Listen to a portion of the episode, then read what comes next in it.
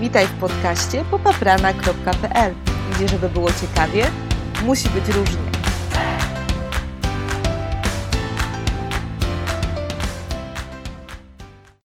Cześć, witam Was serdecznie w ostatnim odcinku Bzdur na niedzielę. Tak, dobrze słyszycie, to jest ostatni odcinek. W ogóle zamysł tego podcastu był taki, żeby przetrwać jesień i zimę. No i przetrwaliśmy, mamy wiosnę. Y, ja w ogóle z góry założyłam, że podcast będzie sezonowy, dlatego miałam świadomość tego, że on nie będzie trwał y, forever, na zawsze.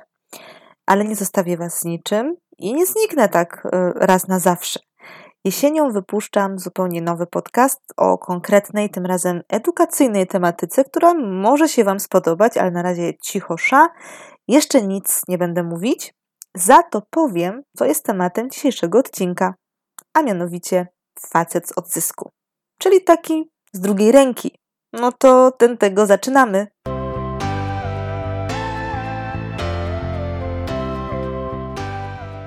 Wyobraź sobie taką sytuację.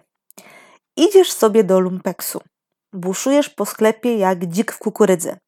Przewracasz już chyba z 56 wieszak i taka już nieco zawiedziona bierzesz do ręki tak od niechcenia już 57 wieszak, na którym jest sweter. Patrzysz, znalazłaś skarb.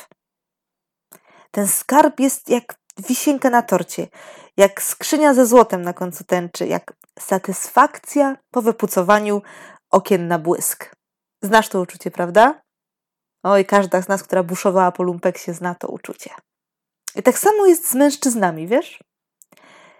A dokładnie z mężczyznami z odzysku, takimi z drugiej ręki, takimi po przejściach którzy się rozwiedli, którzy już mieli trzy żony, dziesięć kochanek, tacy, co znają życie. Oni właśnie są jak sweter z lumpeksu, jak taki sweterek, który sobie wypatrzyłaś jak perełeczkę na dnie oceanu. Szukasz tego swetra, dopóki nie znajdziesz. Jak już znajdziesz, no to wiesz, że chodziło ci o sweter. I na twoje szczęście pasuje na ciebie jak ulał.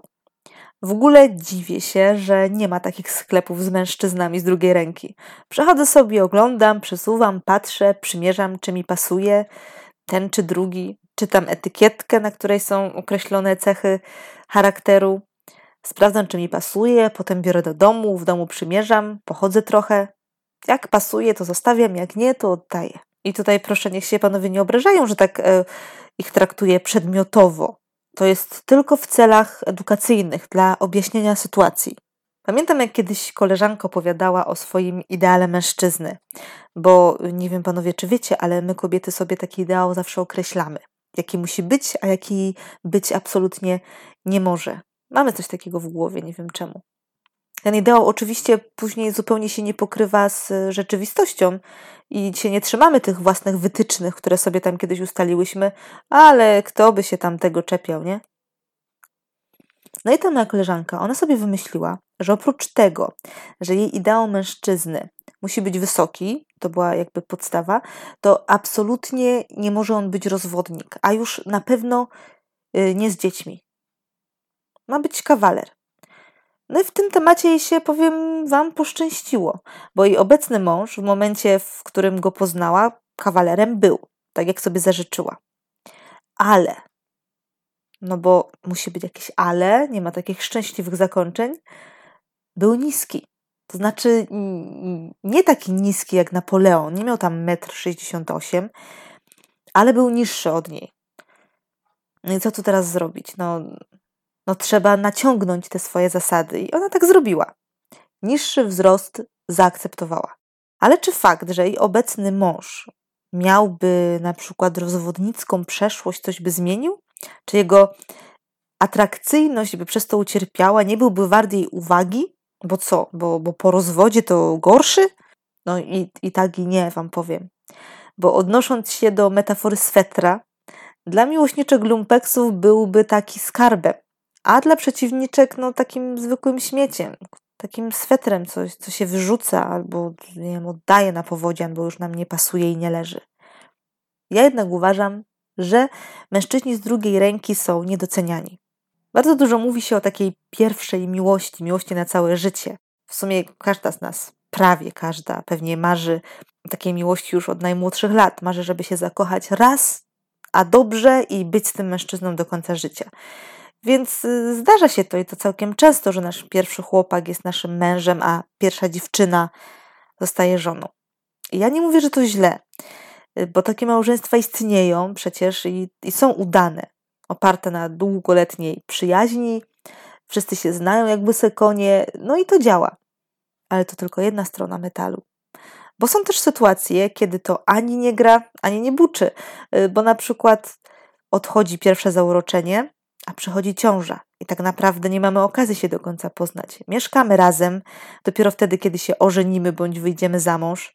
Nie mieliśmy okazji wcześniej przetestować się wzajemnie, dotrzeć się, dowiedzieć się, czego chcemy w związku, co akceptujemy, a co absolutnie przekracza nasze granice tolerancji. I wychodzi w ostatecznym rozrachunku na to, że tak naprawdę nic o sobie za bardzo nie wiemy. Nasze drogi się rozmijają, bo nie potrafimy ze sobą rozmawiać, bo czegoś zabrakło. Przychodzi monotonia życia, e, która skutecznie może zabić e, każdy związek, a potem kolejne dziecko i okazuje się, że nie jest nam do końca dobrze, że może nie jesteśmy tacy kompatybilni, jak myśleliśmy, że może było za wcześnie na ślub albo za szybko. No i najgorszy scenariusz przewiduje, że dochodzi do rozstania. Ludzie biorą rozwód w takim przypadku i każdy idzie w swoją stronę. Każda z tych osób jednak e, wynosi ze związku swoje własne doświadczenia i wizję tego, jak chcieliby, żeby kolejna relacja wyglądała. Wizja przyszłego związku, przyszłego partnera jest y, zupełnie inna niż za pierwszym razem, i w sumie trudno przewidzieć, jaki ta wizja obierze kierunek. Taki chłop z odzysku, czyli taki, który już przeżył kilka swoich związków albo był w małżeństwie, może okazać się nie lada kąskiem, szczególnie kiedy ma już tych ponad 30 lat. Plusy bycia z takim z odzysku teoretycznie dojrzałym i po przejściach chłopem jest taki, że on już wie, czego chce, a dokładniej na pewno wie, czego nie chce. Taki chłop będzie właśnie jak sweter z lumpeksu. Posłużył komuś kiedyś, ale już nie pasuje, już nie spełnia tych oczekiwań, co kiedyś nowiutki sweter z kaszmiru, już osoba, która go nosiła, się go wynosiła już ma podziurki w nosie tego swetra, chce się go pozbyć, bo się kojarzy z określonymi sytuacjami, drapie ją, podrażnia skórę, mm, albo może chce zrobić miejsca na coś nowego i tego swetra się pozbywa. Potem do lumpeksu przychodzisz ty i znajdujesz taki sweter. Widzisz, że jest sfatygowany, już nie jest taki świeżutki, mięciutki, już nawet wypranie w perwolu nic mu nie pomoże, bo nowością nie grzeszy, ale, ale tobie pasuje. Tobie leży. Leży jak ulał. No i bierzesz go. Nosisz i dbasz w trochę inny sposób niż może poprzednia właścicielka. Dzięki tobie może służyć dłużej, inaczej. Może uda ci się do niego dobrać inne stylizacje, w których będziesz wyglądała olśniewająco.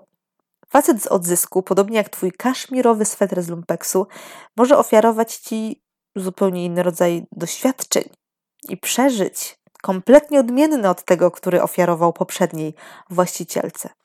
Chociażby dlatego, że przecież to ty jesteś inna, a on przy tobie, bądź co bądź, też się zmienia. Mam takie naiwne przekonanie, że na świecie każdy ma mnóstwo takich pasujących swetrów z lumpeksu, tylko jakby nie jesteśmy wystarczająco otwarte na to, żeby takie swetry nosić. Nie jesteśmy otwarte na to, żeby się otworzyć na kogoś po przejściach, bo przecież mamy zasady, Ustaliłyśmy je kiedyś. Tak, ja wiem, czemu one służą. Żeby same siebie ograniczać i doświadczać mniej niż mogłybyśmy w rzeczywistości. Oglądaliście kiedyś film Ile waży koń trojański? On pokazuje w idealny sposób, że nawet kiedy mamy w głowie myśl o tym, że ojejku, jak fajnie byłoby cofnąć czas, jakbym go poznała wcześniej, zanim był z odzysku, no to byłoby cudownie. Facet z odzysku miał czas, swój czas z poprzednią właścicielką i musiał ten czas z nią przeżyć. I musiał przejść te wszystkie określone rzeczy i zdobyć te doświadczenie, które ma, żeby stać się takim właśnie człowiekiem, który tobie odpowiada, który ciebie zaintrygował. Gdyby nie przeszedł tej całej drogi, możliwe, że w ogóle byś się nim nie zainteresowała. Ta podróż uwarunkowała jego określone postrzeganie świata, określone patrzenie na związek, na swoją przeszłość i na ciebie. Tak właściwie to można powiedzieć, że mm, każdy z nas jest z odzysku, bo Każdy ma przed obecnym związkiem jakieś inne związkowe doświadczenia, dlatego nie warto się ich wstydzić, wypierać albo obawiać, bo dzięki nim nasze kolejne związki mogą być jeszcze fajniejsze i pełniejsze. I z tą w sumie optymistyczną myślą Was zostawiam, jednocześnie się żegnam, bo bzdury na niedzielę już w takiej formie na pewno nie powrócą. Dlatego jeśli nie słyszałaś bądź nie słyszałeś poprzednich odcinków, to ja serdecznie zachęcam do wskakiwania na stronę popaprana.pl i tam w zakładce, w menu w zakładce podcasty są wszystkie odcinki. Odcinki te też możecie oglądać sobie na Spotify albo Anchor. To znaczy wiem, że to się jakoś inaczej wymawia, ale nie będę się ośmieszać przecież tutaj na wizji.